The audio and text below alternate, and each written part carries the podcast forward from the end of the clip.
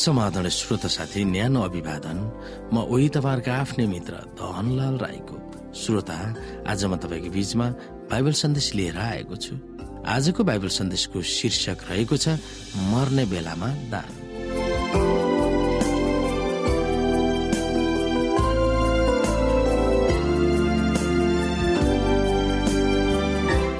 श्रोता हामीसँग भएको पैसाको मामिलामा के नीतिहरू अप्नाउनु पर्छ भनेर हामीलाई बाइबलको पथहरूले खुलाउँदछन्। यस संसारका धनीहरूलाई घमण्डी नहुने आज्ञा देऊ र अनिश्चित सम्पत्तिमा होइन तर हामीलाई हरेक थोक प्रशस्तसँग उपभोग गर्न दिनुहुने परमेश्वरमाथि आशा राखुन्। तिनीहरूले असल कार्य गरून् र असल कामहरूमा धनी उद्धार चित्त र दानी हुन्। यसरी आफ्नै लागि भविष्यको असल जग बसाल्न सकुन् ताकि तिनीहरूले त्यो जीवन पक्रिराखुन् जो साँच्ची नै जीवन हो। हामी दृश्य कुरालाई होइन तर अदृश्य कुरालाई हेर्छौँ किनभने दृश्य कुरा क्षणिक हुन्छन् तर अदृश्य कुरा चाहिँ अनन्तसम्म रहन्छन्। म तपाईँसँग दुईवटा कुरा माग्दछु। हे परमप्रभु म मर्न अघि ती मबाट इन्कार नगर्नुहोस् असत्यता र झुटा कुरा मबाट टाढे राख्नुहोस् न त मलाई दरिद्रता न त धन सम्पत्ति दिनुहोस् तर मलाई केवल दिन दिनको रोटी दिनुहोस्। अन्यथा मसँग धेरै भएकोले म तपाईँलाई इन्कार गरौँला र परमप्रभु को हो र भनौँला अथवा म गरिब भएकोले चोरी गरौँला र परमप्रभु मेरा परमेश्वरको नाउँ अपमानित पारौँला र जसले रुपियाँ पैसाको माया गर्छ त्यसलाई रुपियाँ पैसाले कहिले पुग्दैन। जसले धन सम्पत्तिको माया गर्छ त्यो आफ्नो आमदामीसँग कहिले सन्तुष्ट हुँदैन। यो पनि व्यर्थ हो। श्रोत साथी हामीले चोर्नै पर्ने किसिमको गरिब पनि होइन र परमेश्वरलाई भुल्ने खालको धनी पनि होइन भनेर यहाँ हामीलाई बाइबलले भन्दछ।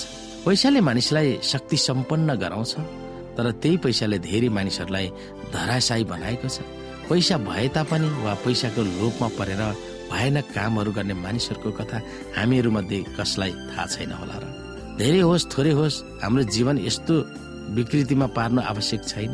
परमेश्वरको आशिषले दिनुभएको पैसा वा धन सम्पत्तिलाई दुरुपयोग गर्न शैतानले उक्साउँदा परमेश्वरको शक्तिले अभिशाप होइन आशिषमा परिणत गर्न प्रार्थना हामीले गर्नुपर्दछ। परमेश्वरको असल सञ्चयकर्ताको हैसियतले मर्ने बेलासम्म धेरै धन सम्पत्ति जोड्न थोपार्ने प्रलोभन गर्नु खतरामूलक छ भन्ने कुरा हामीले सोच्नु पर्दछ कतिले भन्छ होला म मर्ने बेलामा मेरा सबै सम्पत्ति बाँडिदिनेछु। कतिपय खरबपतिहरू तिनीहरू बाँचेकै बेलामा तिनीहरूको धन उचित रूपमा प्रयोग नगर्दा तिनीहरूको सम्पत्तिको बिजोग भएका हामीले देखिएका छौँ। हाम्रो अवस्था पनि त्यस्तो हुन आवश्यक छैन। परमेश्वरको कामको निम्ति धेरैले आफ्नो सम्पत्ति उपभोग नगरेको मैले दर्शनमा देखेको छु। आफूहरू मरेपछि ती सम्पत्ति दान गर्छु भनेर कतिले भनेर आफ्नो विवेकलाई चुपचाप पनि राख्दछन्। तिनीहरू बाँचिरहेकै बेलामा विश्वासलाई प्रयोग गरेर परमेश्वरमाथि भरोसा राख्थे आफ्नो आशिष। अरूहरूलाई मुस्किलले तिनीहरूले बाँड्दछन् तर मर्ने बेलामा दिने दान गर्ने नीति यसुले आफ्ना अन्यायहरूबाट उहाँले अपेक्षा गर्नुभएको छैन। बाँचिरहेको बेलामा स्वार्थी हुने तर मर्ने बेलामा निस्वार्थी हुने संस्कार यसु भक्तिहरूको निम्ति मान्य हुन सक्दैन। दिनदिनै हामीहरूले केही न केही गुमाइरहेका हुन्छौँ।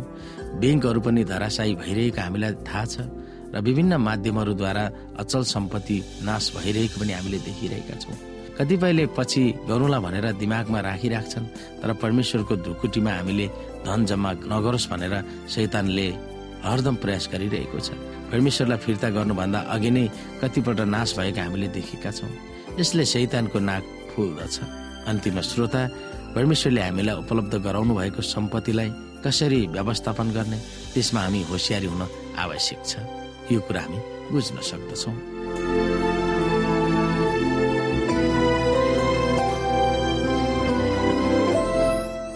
श्रोता साथी आजको लागि बाइबल सन्देश यति नै। हस्त नमस्ते। जय मसिंह।